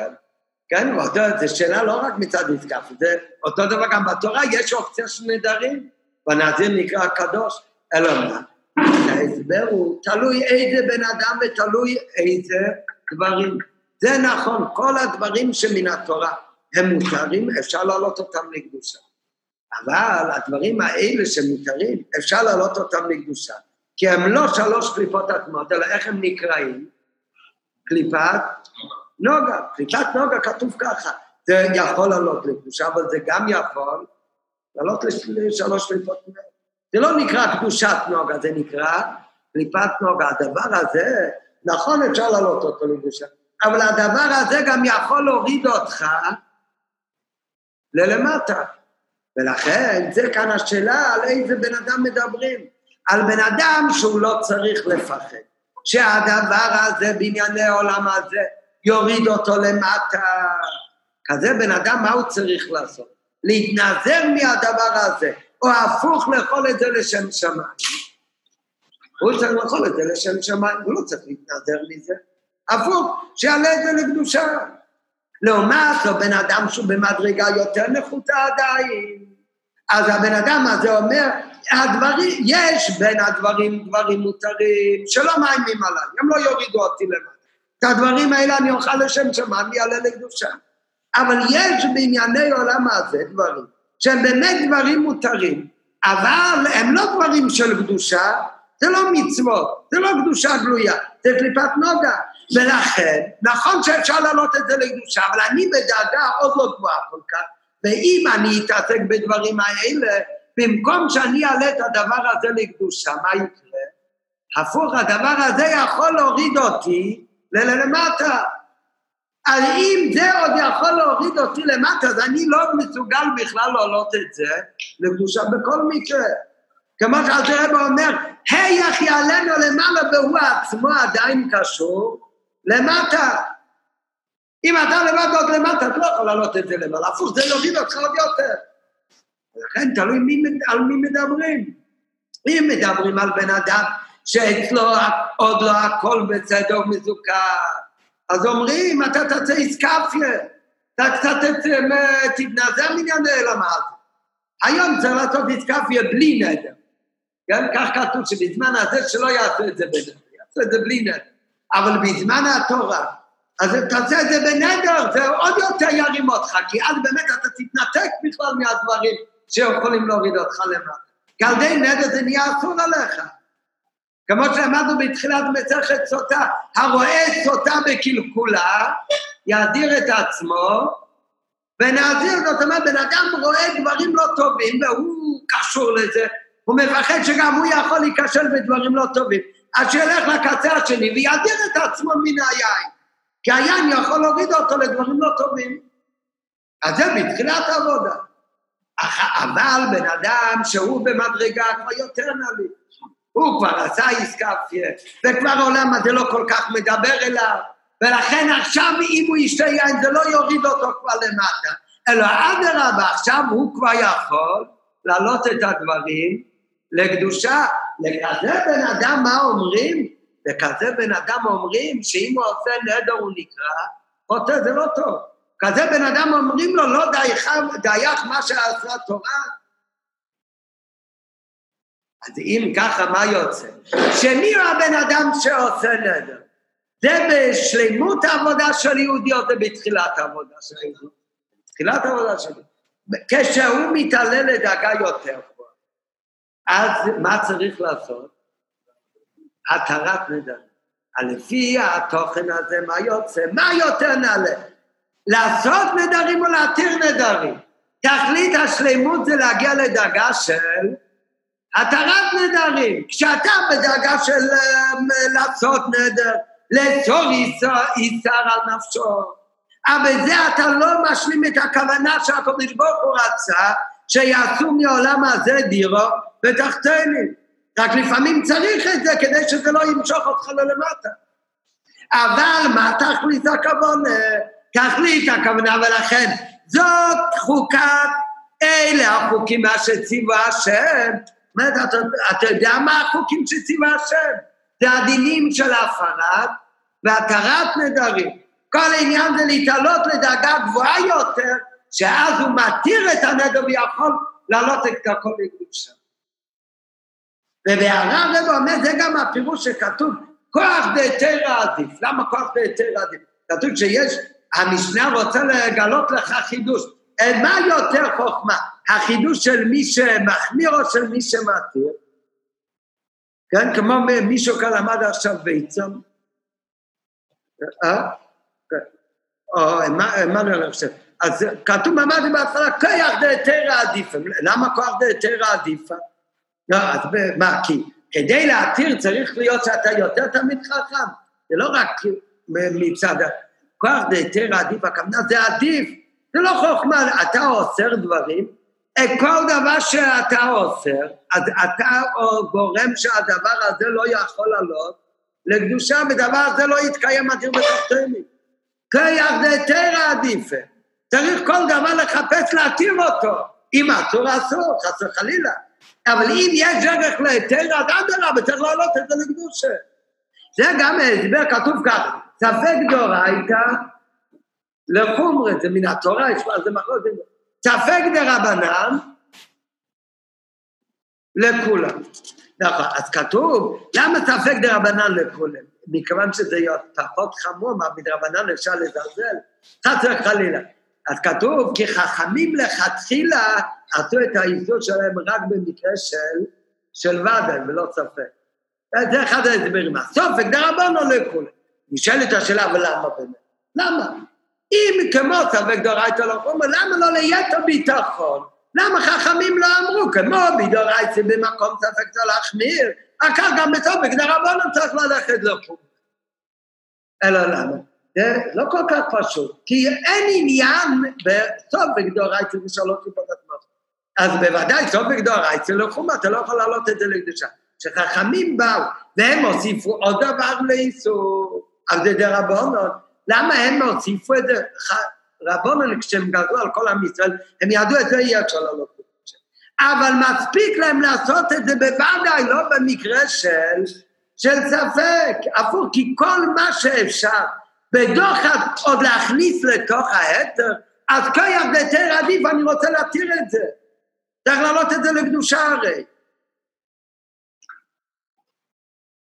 זה אומר בהערה שלושים אחר כך. אבל לפי זה יוצא שכמו שהדברנו ברש"י בפשוט של מיקרו, שעיקר חידוש הפרשה כאן זה לא קיום הנדרים אלא הפרת נדרים, רק לפי האוויר בפשוט השמיטו, זה פשוט כי הדין של קיום נדרים הוא פשיט, לא צריך להגיד. הוא לא רק שהוא פשיט, אלא הוא כבר ידוע לנו מיד ומתמיד, מתחילת החומש שאנחנו כבר יודעים. אז החידוש לפרשת שלנו זה עניין של הפורס והתורס נדר. עכשיו הרב אומר זה גם בתוכן ככה, העיקר הוא לא הנדר, העיקר הוא באמת תמיד להתעלות לדאגה של התרת נדרים. נראה בפנים. עוד ד', והנה, הנה זה של ראש, שאמרתי, זה דווקא בשייכות להפרת נדרים, יש לו הכר גם בפנים אצלנו. ידוע מה שכתוב בירושלמי בנוגע לנדרים, לא דייק מה שעוצר לו חטרו, אלא שאתה מבקש לאסור עליך דברים אחרים. והכמה זה מובן, למה זה באמת לא טוב? כי הכבוד עליין בקיום התרמיצת, הרי הוא בכדי לעצת על, על, על ידם של התרמיצת, דירו לא ידבור בתחתינו, ובמילא מובן. שצריך להיות עבודה לא להתנעזר מהעניון זה, תתנ- תתנתק מעניון אלא מה זה לא תעשה דירו בתחתינו, אלא צריך להיות עבודה עם העניונים הגשמי, לעשות מהם דירו, הם, דירו לא ידבור, ולא להסתייג ולהיבדל מהם על ידי נדרים ושמות. זה מצד אחד, אז זה באמת עניין שלי, לאידוך מצד שני רואים שחז"ל אמרו נדרים, תיאג לפרישות. שהנדרים מציים לקיום הציבור שקדוש שאנחנו מחובמות או לכל. כל חסידס מלא שצריך לעשות קצת עסקה. ונתבהר החילוק בין שתי הוראות אלה על פרסום. שאדם שמתנהג באופן של טוב וישר, עליו אמרה תורה, דייך מה שאסרה לך התורה. ואדרבה, אסור הוא בנדרים. מאחר שהם מונים אותו מלעבוד ולברר את הדברים הגשמים, אז מי שנמצא במאי לבד את השם, למה שיתנעזר? הפוך, יש עוד משהו מותר. מה הכוונה מותר? הוא לא קשור בקליפה, אתה לא אותו לקדושה. אין שום עניין לעשות נדר. מה שאין כן זה שהנהגתו אין כדבו אלא. ובמצב שלא עדיין יש לחוש שהדברים הגשמים יפעלו בו ירידה, כמו שאמרנו מקום שאל תראה בו, אומר, הוא בעצמו קשור למטה, ואיך יעלה את העניינים האלה למעלה? אז לכזה בן אדם אומרים, אתה באמת תעשה נדרים וזה יהיה סייג לפרישות. זה בתחילת העבודה. יש על זה דוגמה שמובא גם כמה פעמים, מביא את זה גם כאן בהערה, שהמגיד אמר, גמרא אומרת, שבן אדם לא יגיד, אני לא יכול לאכול חזיר, אני לא מסוגל. בן אדם צריך להגיד, אפשי, שאל יהיה מרי אפשי, צריך להגיד, אפשי, שאני יכול. רק מה אעשה? שהקודם ברוך הוא גזר עליי, לכן אני לא עושה. אז הוא אומר, מי צריך להגיד את זה? רק צדיק, לא בעל שום. כן. מה כאן באותו עניין? מי שפעם היה לו שייכות לרע הזה, הוא צריך להגיד, לברוח מזה כמו מיש, צריך להגיד יפשי. מה כאן כאן להגיד? ועל דרך הרב המגיד, על יאמר אדם יפשי, אלא אפשי מה זה? שאומר המגיד דווקא בצדיק, מה שאין גם בעל תשובה, שצורו רע, הוא צריך להגיד אי אפשי. מה כאן להגיד? להגיד לא, מה, מה הוא אומר? אני יכול להגיד מה, אתה יכול להגיד מה שאתה רוצה. להגיד אפשי מה זה שהקדוש ברוך הוא הכוונה, מצד הנפש שלי אני שום רתיעה מהדברים האלה. אני, אני יכול להיות קרוב לזה, הקדוש ברוך הוא לא מרשה את זה, אני לא אעשה. אם היה אפשר, הייתי גם את זה מלא לקדושה. במה דברים אמורים? זה אותו אחד שאין פחד שזה יוריד אותו ללמטה. לעומת זאת, מי שסור יראה, מה זאת אומרת, הוא אומר, אני, אני, אם הוא ירגיש קרבה לעניין, אז העניין גם יכול להוריד אותו. בסדר. לכן, מי שבמדרגה מעולה, אז אצלו, אליו דיבר ירושלמי. אליו דיבר ירושלמי, שנדרים איזה דברים שליליים. לא מספיק לך מה שהתורה עושה, מה שמותר הרב תתעסק אם תעלה אותו לקדושה. למי אומרים שנדרים ציוג לפרישות? זה מי שבלי הנדר הוא לא יהיה פרוש. בלי הנדר הדברים האלה יכולים להוריד אותו. מה זה הדברים האלה? זה כל אחד גם לפי עניינו. יש בן אדם, הדברים האלה הם לא יורידו אותו ללמטה. אז על זה הוא לא צריך לעשות נדר, הפוך, זה ינצל לשם שמיים. דברים אחרים זה כבר כן יכול להוריד אותו. אז על הדברים האלה, הפוך, הוא צריך לעשות עסקה וצריך לעשות נדר. מביא בהר"ל, תראה, תראה מסביר בחסידות שהנדורים שזה, הם לגמרי מנתק אותו מהעניין, ועל ידי זה נעשה לו תוספת קדושה, זה רק בזמן הבית. לכן היום אומרים, גם האיסקפיה תעשה את זה באופן של... מה אתה צריך להגיד? מה אתה, גם אם אתה רוצה להתנעזר ממשהו, לקבל על עצמך תוספת במשהו שלא חייבים על פי דין. אתה עושה נדר? שיציאג לפרישות, או אתה אומר, מה אתה אומר קודם? בלי נדר. אנחנו צריכים להגיד בלי נדר. גם על הפרישות זה צריך להגיד בלי נדר.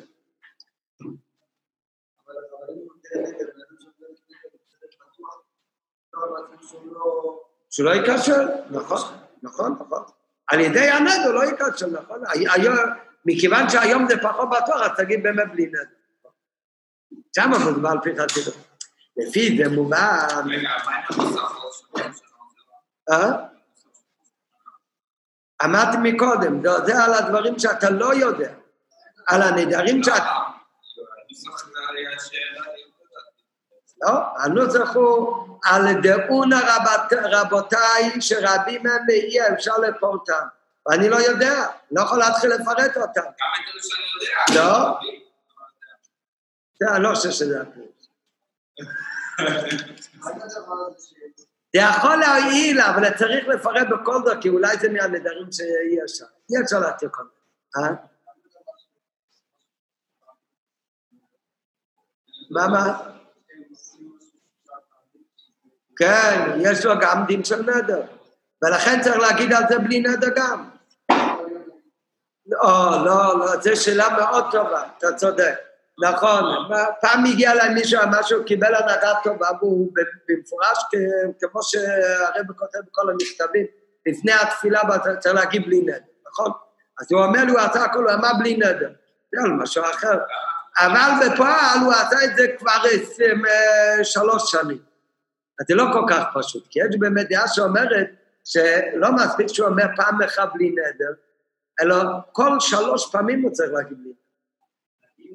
אה, לכתחילה להגיד. אנחנו אומרים גם כן, אין אני טועה ומתחרה על דברים טובים, על שלא אמרתי במפורש שיהיה בלי נדר וקבלה כלל. לכן לכתחילה, אם יש הנהגה טובה שנהגת שלוש פעמים, גם אם, גם אם אמרת בלי נדר, עשית את זה לאורך זמן, לכתחילה כדאי לעשות על זה התרת, אם אתה מפסיק לעשות את זה, צריך לעשות התרת נדר. לא, על זה אתה לא עושה מטרת נדרים, אתה פשוט ממשיך לעשות את זה. אתה לא אומר, למה שתגיד בלי נדר? שום בלי נדר. אתה עושה את זה כל יום, למה בלי נדר? אה? לא, זה לא נקרא לי שבוע. לא נראה לי. בן אדם שנותן כל בוקר לפני התפילה ש- ש- 20 אגורות, יום אחד הוא מגיע בבוקר ואין לו אה, מטבע בכיס, אין מה. לא, על זה, ח- הנבל לכתחילה לא חל. נכון? אז אתה צריך לעשות ליד... תעשה בלי נדר, תעשה את זה, תעשה את זה. לא, כן, אבל, אבל זה דוגמה שיותר חשוב להגיד לחבר'ה להקפיד, ולא להגיד שיגידו בלי נדר.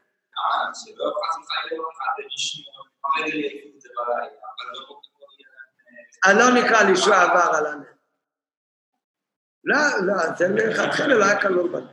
טוב, לפי זה מובן שהתכלית הוא להתעלות לדאגה כזו, אז מה יוצא עכשיו לפי ההסבר הזה? שמהו העיקר בעבודת השם הנדר או התרת נדרים? שבכלל עיקר הקדושה הוא התרת נדרים. לפי זה מובן שהתכלית הוא להתעלות לדאגה כזו שבו יש מעלה יתרה, היינו שלילת וביטול הנדר.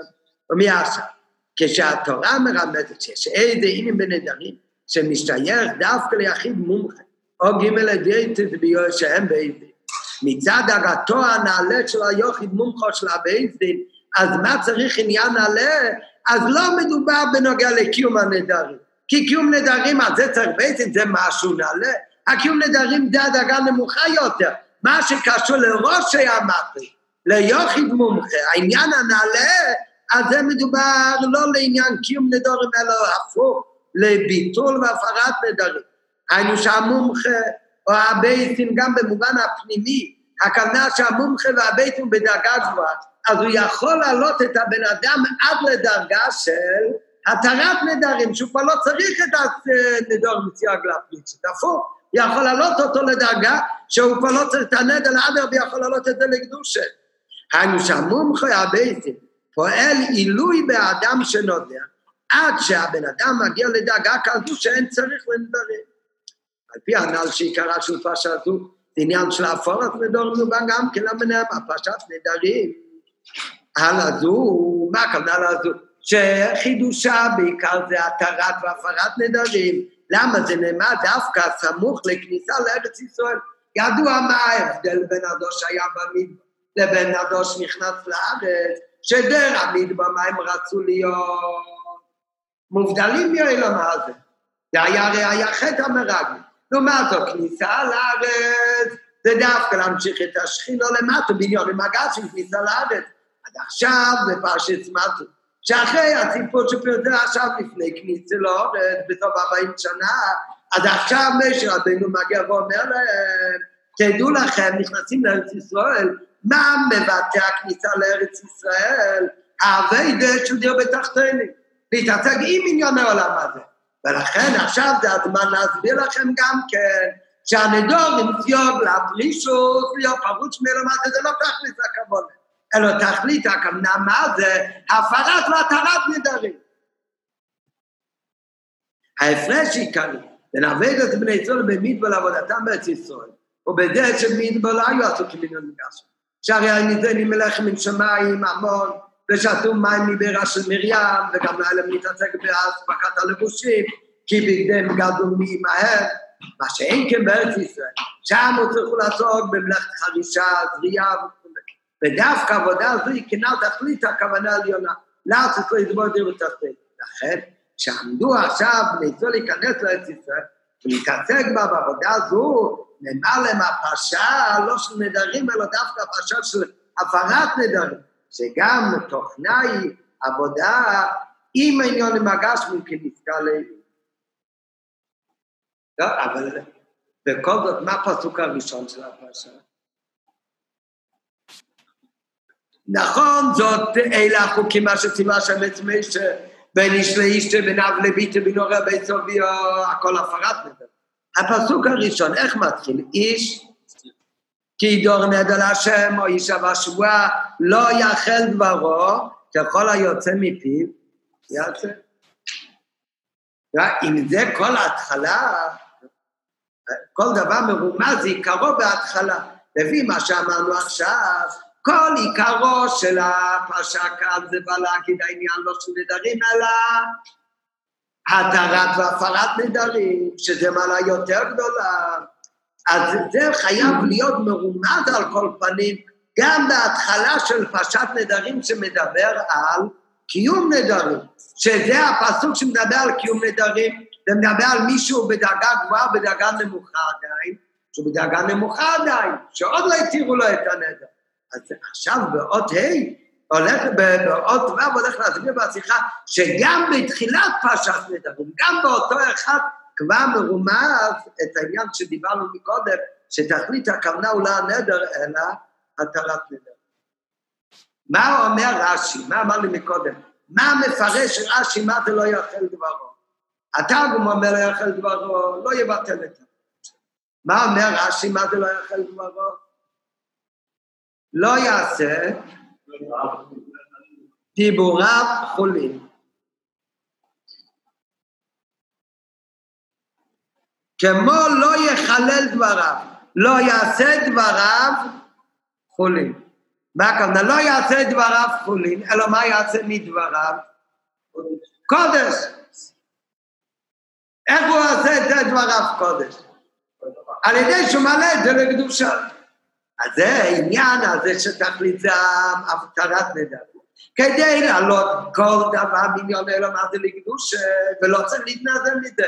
זה מרומז כבר בהתחלה כשהוא מדבר עוד בתחילת העבודה, שהוא עוד עושה נדרים, שאומרים לו לא יאכל דברו, מיד אומר רש"י מה זה לא יאכל דברו, לא יחלל דברו, לא יעשה אותם חולים, אל תשאיר אותם חולים, אלא תעלה אותם לקדוש. אה, זה קצת מוזר הרמז הרי כי הרי הרגע מדברים עדיין על בן אדם שהוא עושה נדר, הוא לא יכול להעלות את זה לקדושה, אז השאלה, נראה. אבל ברמז כבר כאן מרומץ כל העניין הזה. אמנם מכיוון שבפרק כתוב גם, בפרשה הזו עצם הדין של נדרים, וגם זה נאמר להם סמוך לכניסתם לארץ ישראל. הרי כתוב כאן גם את הפסוק הראשון שכתוב שצריך לקיים נדר. וגם זה סוף כל סוף, גם אם רק בתואר גם זה כתוב כאן לפני הכניסה לארץ, שאז הולכים להתעסק בעניונים גשמי, מובן, שגם בזה יש הוראה באופן עבודה על הזו. מה זה עבודה על הזו? העבודה, הזאת של דירו בתחתינו. נקודת עניין נדרים, הוא לא יאכל דברו. היינו, אומר רש"י שלו, יעשה דבריו חולים. וזהו אופן עבודה בעניינים גשמיים, שצריך לפעול שגם דבריו הגשמיים לא יהיו חולין, לא יישארו חולין, אלא להמשיך בהם קדושה. מכיוון שההוראה הזו נרמדת בעניין הנדרים עצמם, וזה כבר מרומז לא בהפרת נדרים. זה רש"י אומר לפסוק שמדבר על הפסוק ששם כתוב קיום הנדר. הרי מובן שכל אחד ואחד מישראל, גם מישהו בתחילת עבודה שעדיין יש לו עניין של נדר ואיסקפיה, לכל אחד יש את הכוח גם לעבודה הזאת, לעשות מהדברים הגשמיים, להפוך אותם מחולים לקדושה לקודש ברוך היי, איך זה יכול להיות? הרי זה מדבר על הפסוק של קיום הנדר, שאומרים שדיברנו מקודם באריכות שהוא עוד לא מסוגל לזה. אז על זה הרב מביא בהערה 38. ואף שאצלו צריך להיות עדיין עבודה של פרישות, הרי יש חולים שמוכרח בהם וצריך להיות על קרקע הקודש. גם אותו אחד, שהוא עדיין צריך לעשות נדרים יופרות ממנו לעולם.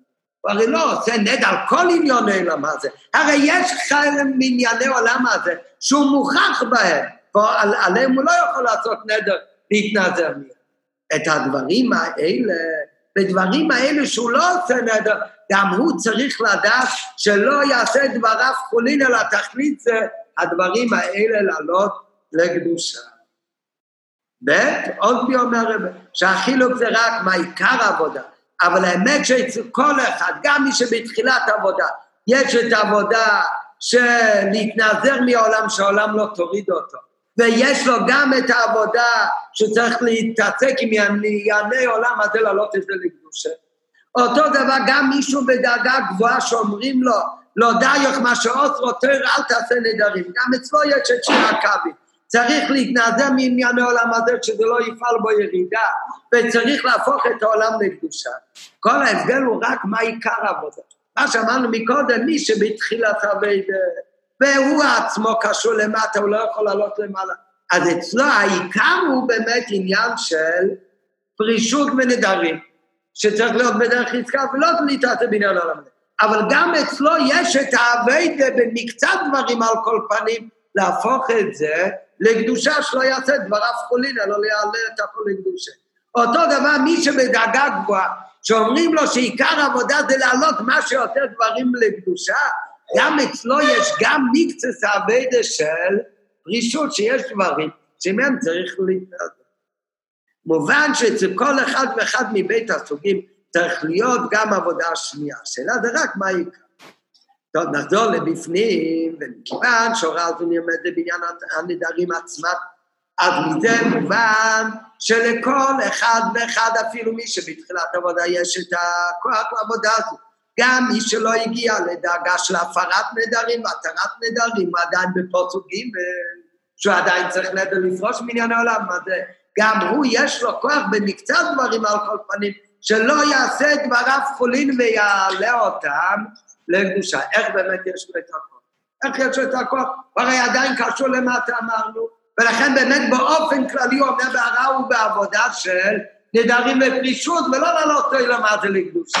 אבל בכל זאת יש לו את הכוח לדברים מסוימים על, על כל פנים, לעשות דבריו מחולין לקדש.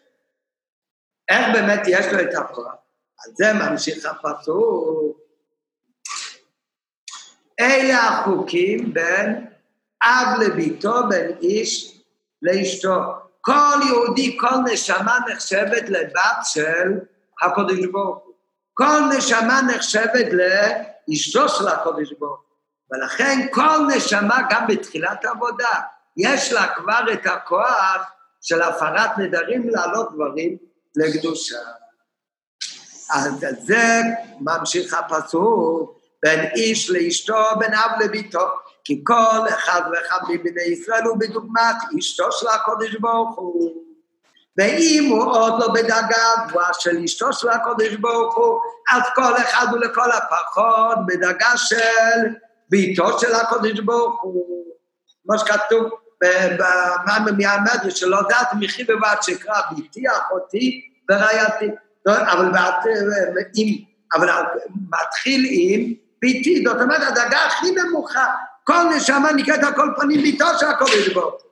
ובוודאי שהקודש ברוך הוא נותן לו את הכוח לפעול עבודה הזו ולמלות רצונו, לא רק להיות מופרש מענייני העולם הזה, אלא כל אחד יכול לעשות בעבודה, לעשות לו יתברך דירו ואת ה...